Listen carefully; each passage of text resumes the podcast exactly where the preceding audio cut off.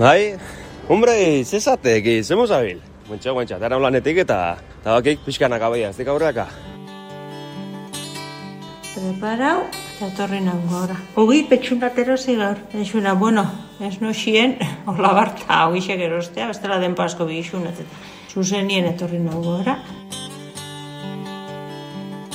Etorri ala, izo bukatu alditu bakazioko ze martxa. Bai, bai. Zibilia ez. Eh, ondo ibili gaitun, eh, horre mendibuelta batzuk egin, eta oturuntza batzuk prestau, eta, eta hola, ze ik zein den hemen, aste honetan. Lan itxura. Lana gutxi eta itxura asko. Zer ari gara entzuten, ze berba dira horiek? Tira, argi dago euskara dela, baina ez da euskara batua, ez da euskalkia ere. Itanoa da. Lagunarteko izkerako adizkera alokutiboa euskaltzaindiaren arabera. Alegia ika edo toka eta noka hitz egitea euskaraz. Ika bezala ere ezagutzen da hizkuntza alokutibo hau, baina azter dezagun pixkanaka, asteko alokutiboa. Baldakigu zer den zehazki alokutiboa? Adizkera, alokutiboa. Jo, aiz esan ez da pez. Alokutiboa. Neri zona egin doz aukera. Berbo egiteko era bat, erakusteko zehoz, eh? Zeze pedagogikoa. Ba, lokuta egin dozunian, aditzak esateko dakozun egokitasuna edo ez. Badirudi kalean galdetuta handia dela nahasmena. Eta zuk ere entzule alokutiboa zer den ez baldin badakizu, lasai. Ritxi Lizartza filologo eta itanoan adituak azalduko digu zehazki zer den adizkera alokutiboa. Alokutiboa da, ni zerbait esaten ari naizela eta nire entzulea sartzen detela konversazioan. Bai? Hau da, i, nik liburu bat irakurri dinat, kasu honetan, bai, adibidez, emakume baliz. Nik liburu bat irakurri dut eta ire esaten dinat. Orduan, liburu bat irakurri dinat. Sartzen dugu entzulea konversazioan. Fizikoki. Alokutiboak beraz eta ondorioz itanoak aditzean sartzen du hartzaia edo entzulea. Hasieran baina, itanoan, ika, noka eta atoka erabiltzen direla aipatu dugu. Maider Irizar Euskal Filologoak oso bereizketa argia ikusten du guztien artean. Itano da, bigarren personatzat, e, solaskideari i esati erabaki, eta horrek dakarren adiz paradigmia, itanoa, bai? Iketa edo, ba, beti, adiz guztietan, i hemen hau, irekin berbaitu nabin, adierazte hori. Ika berba egitea gauza bera da. Ika berba egitea da bigarren persona horri i esatia erabagitia, ez da? Gaur egun, ika berba egiten dugunean, i izen ordainarekin, itanoa erabiltzen dugu beti. Hau da, alokutiboak dian adizkormak. Gainera, itanoan, generoa desberdindu egiten da, alegia, genero markadun, erregistroa da. Itanoaren barruan, bere izketan da, sexuaren arabera, solaskide hori, entzuten duena, ez hitz egiten duena. E, gizonezkoa edo emakumezkoa da, egiten da toka edo noka. Ba, toka da, itano gizonezkoari egite zaiona, eta noka da, itano emakumezkoari egite zaiona. Hoixe don bere izketia. Eta noiztik darabilgu Euskaldunok itanoa? Lizartza filologoaren arabera, Euskararen eta itanoaren sorrera aldi berean gertatu zen. Nik esango nuke beti da nik erabiltzen dela. Eta berez lehen ozala harreman naturala ika egitea, harreman sozioafektiboak errespetatuta, baino berdinen artean edo jerarkikoki goitik bera, bai. Adinekoek gazteei, adinekoek adinekoen artean eta gazte gazten artean eta da. Baina nik uste dut hori ez dela zerbait asmatua, baizik eta berezkoa duna hizkuntzak. Noiztik erabiltzen dira adjetiboak euskeraz? Nerezat galdera berdina da, bai. Ba, adjetiboak erabiltzen dira euskeraz, euskara euskara denetik eta itanoa berdin. Euskararen lehendabiziko liburuan ere ageri da itanoa. Bernard Etxepareren linguae baskonun primitia liburuan hain zuzen. Izan ere, mila bosteun da berro eta bosgarren urteko liburu horretan oso ezaguna da Euskara jalgia di plazara poema. Esaldiko adi aditza itanoko adiz forma da.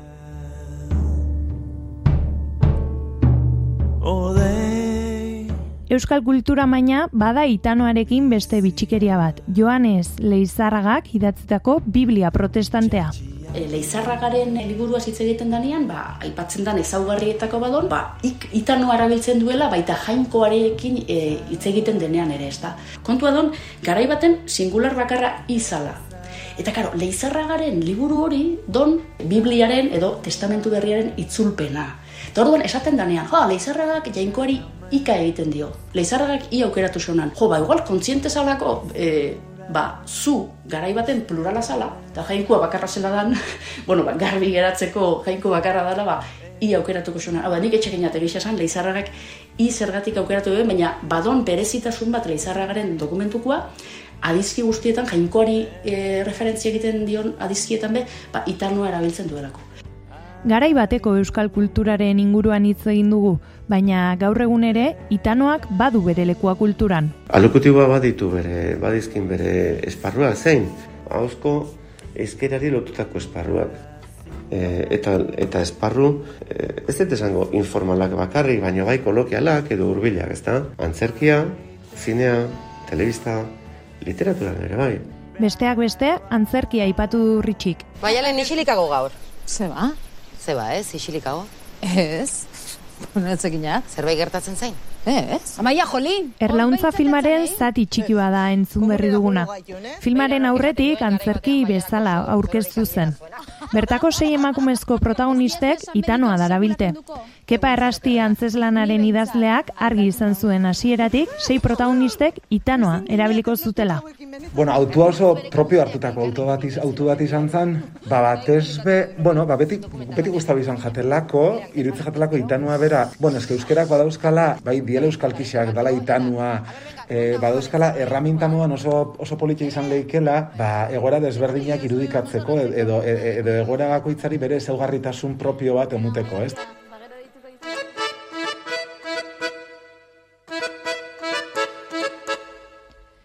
Ez antzerkian bakarrik bertsolaritzan ere erabiltzen da itanoa. Beinat muguruza, EHUko irakasle eta ikerlariak esaterako, mila bederatzireun eta alaro geita seitik bimila eta amazazpira bitarteko bertsolari txapelketetan, itanoak izan duen presentzia, aztertu du. Muguruza kondorio nagusi bat, atera zuen.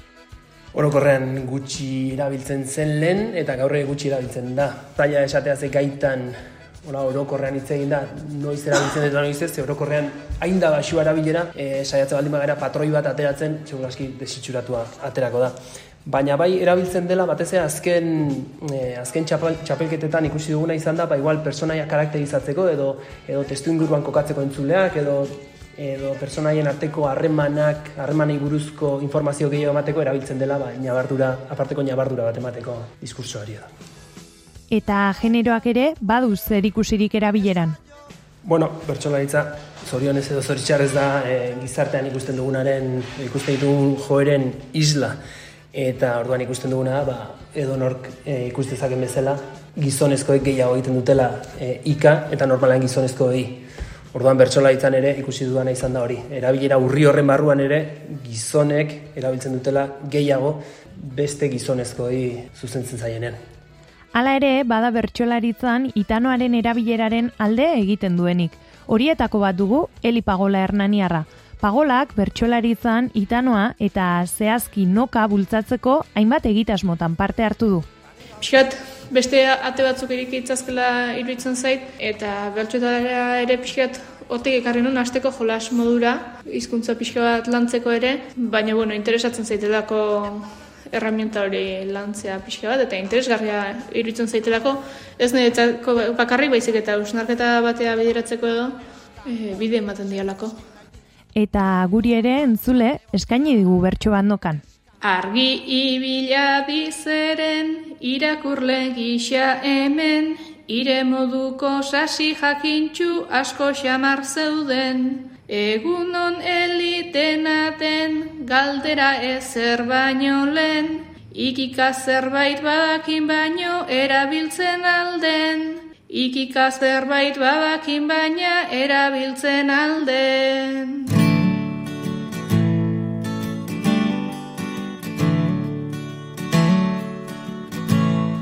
Itanoa zer den ulertu dugu eta euskal kulturgintzan zenbat erabiltzen den aztertu. Baina guk geuk, euskaldunok, noiz erabiltzen dugu itanoa eta zenbat?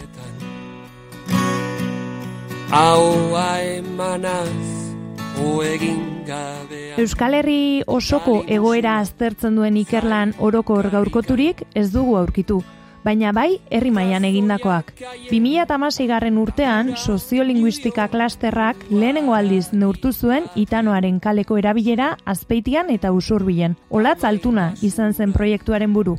ikerketa guztiek ekartzen dute nolabait errealitatea ezagutzea. Eta hori da batez ere e, guk egin nahi genuen ekarpena, ez? Ikuspegi linguistiko batetik badire ikerketak, baina egoera soziolinguistikoari begira, edo kasu hontan, bueno, eta zenbat hitz egiten da, zenbat hitz egiten da kalean, ba horrez egon alako argazkirik.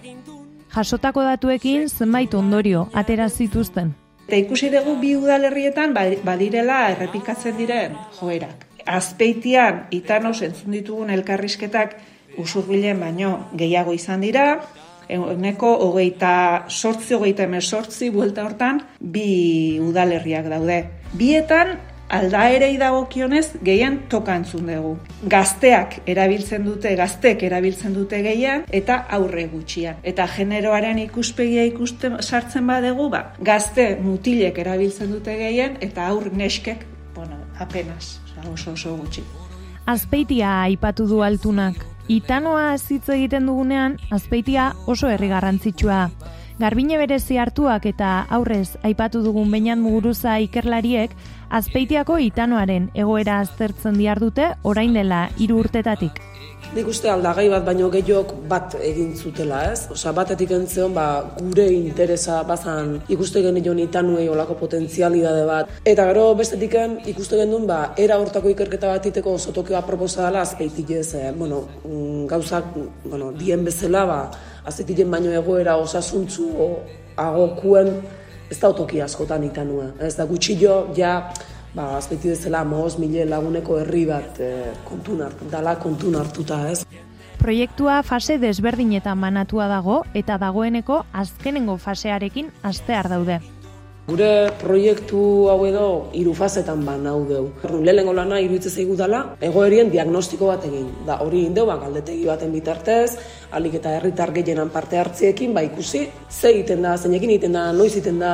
Orduan bigarrengoko faseko helburu da ja e ikuspuntu kuan, kualitatibo batetik eltzi ikarketiei, da ikusti, bueno, eta egoera hori horta zein izen di arrazoiek. Ze pasau da, bereziki genero arrakala hau egoteko. Ze aurre ikuste genuen hori bazeola, ez? Eta hirugarrengo pausu izango litzeke, bueno, ba, ikusita asuntu nola da on, eta horrea zeatiken aila haugean, nahi baldin badeu, ba, itanue bizi berritzia, hortan alde egin du.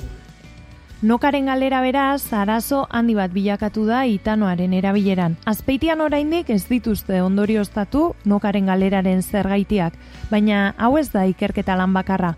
Onintzale gorburu antzuolarrak, antzuolan noketan zer gertatzen ari da ikerlana burutu zuen ikasketa feministak eta generokoak masterrean.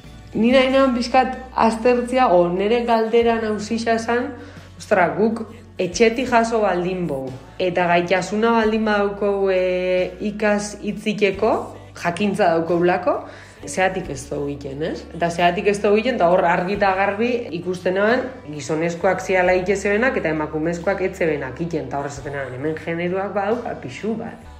Legorburuk bere master amaierako lan honetan bi faktore edo argudio nagusi ditu nokaren galeraren arrazoitzat batetik botere zorrek erain da bela gaztelaniara erosukara jotia, eta bestetik eremu publiko eta pribagoan arteko banaketan, bakaro, etxetan eten baten mutea itanuan transmisinuan, ero nokan transmisinuan, kalian mantendu dala itanua asko eta emakumiok kale hori ero tabernia ero inkluso lantokixak ez ditula hartu oindala oso oso gutxi arte. Eta egoera honen aurrean zer egin?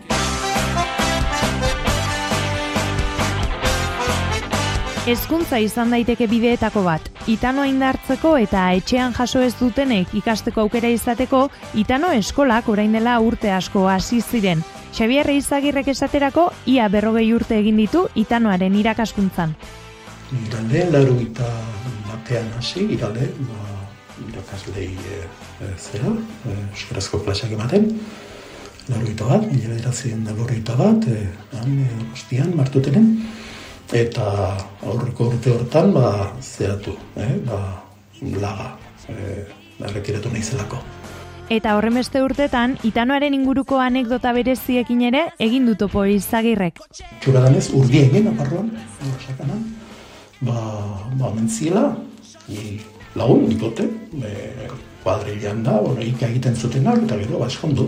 Eta ala, ba, apaizak edo, ba, santzila, ben eskondu ezkero eta, ba, zuka ibertzala, eh? Olako zera egita ez.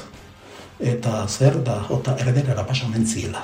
Bien artean gure bikote zera. Gai horretan, astapen garrantzitsua egin zuen Josune Zabalak, egun Eusko Jaurlaritzako hizkuntza ikerketa eta koordinazio zuzendariak. Izan ere, Zumaia eta Azpeitiko itanoa lantzeko material didaktikoa sortu zuen Olatz Bengoetxearekin batera. Zumaiako euskatenikaria dan e, Josune Errarte deitu zigun, galdetuz ia egoki ikusten gendon, gure lana egokitzea beraiek zuten itanoaren lanketaren behar horri, ez? Ikastetxeetan itanoa lantzea modu divertigarri baten, e, herriko hizkera kontuan hartuta, herriko itanoa kontuan hartuta, eta hasieran Zumaian abiatu zana, gero zabaldu zen azpitiko udalera ere. Sortutako material didaktikoan tokian tokiko itanoaren aldeko apustua egin zuten hasieratik. Ba, garbi zeukaten, ikastetxe horietako irakasleek eta herri horretako euskal teknikariak bertako euskalkian oinarritzen zan lanketa bat izatea nahi zutela. Azkenean erabiltzeko zalako eta herri horretako ba, herritarrek erabiltzen zuten itanoa transmititzen nahi zalako lagun artean, edo e, ba, kirola egiten nahi bitartean, edo e, egoera bietan nahi zutelako erabiltzea.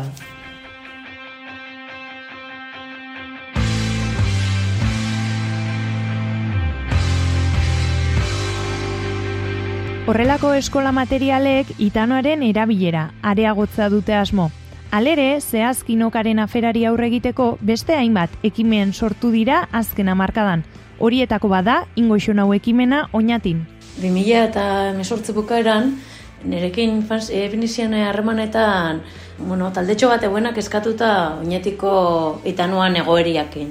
Batez be, noka, nokaren egoeriakin eta ba, gure behin e, elkarrizketakin eta eta ba, galdo horretik jasotia. Orduan erekin jarri zian e, harremanetan, hautzak e, puntu eusen ikindotelako lana eta e, elkarrizketak eta itxei julgulako, eta aprote hola sortu zen proiektua. Idoia Etxeberria da entzun berri duguna, Euskal Filologoa eta kazetaria. Oinatiko berro eta malau herritar elkarrizketatu ostean, bertako itanoa aztertu eta bizi berritzeko hainbat egitasmo antolatu ditu. Besteak beste, oinatiko nokaren liburuska. Liburuska da, poltsikarako tamainakoa, amar sentimetro, biderra amar sentimetro, bagainen eruateko, ba, poltzan edo dana dalako, ez, eskure ez, aditza ez dakitzunian ero, ba, ba, ez, behiraketako, oinarrizko zeakin, ba, erabilera oitura zintzuk izan dian, e, ez, menpeko saldezetan zela e, balten dan, eta hola, e, zea batzukin informazioa apur bat, eta gero adiztaula nagusixak. Eskoletan eta herri mailan egin diren egitasmo ez gain, itanoaren bizi berritze gogoa alor teknologikora ere iritsi da. Ander Erranz, Uribe Kostako Euskaltegiko irakasleak Adizkinator aplikazioa sortu du orain hilabete gutxi eskola nagoenean, e, eskolak ematen, bai ikusten nuen ikasleek bazituztela hainbat baliabide telefonoan, eta egia da, aditzekin ikusten nuela jotzen zutela tauletara. Eta askotan e, taulak ez zituztela erabatu lehertzen. Eta horrek e, liatzen zituen pixka bat. Eta betzatu nuen bideona e, izan zitekela aplikazio, telefonoan e, aplikazioek bilatu izatea. Aplikazioan hasieratik erabaki zuen adiz tauletan itanoaren adiz formak sartzea. Hasi nintzenean, zuzenean, e, zakit, ikarik gabe nuen ikusten hori betetzen zenik, nik nahi nuena betetzen zenik. Orduan e, adokutu behar sartu nintzen, sartu nuen e, gero egia da horrek ekarri zuen lana ikusita pixka eta mutu nintzela, baina bueno, nik uste dut merezi, merezi zuela eta horrekin jarretu beno.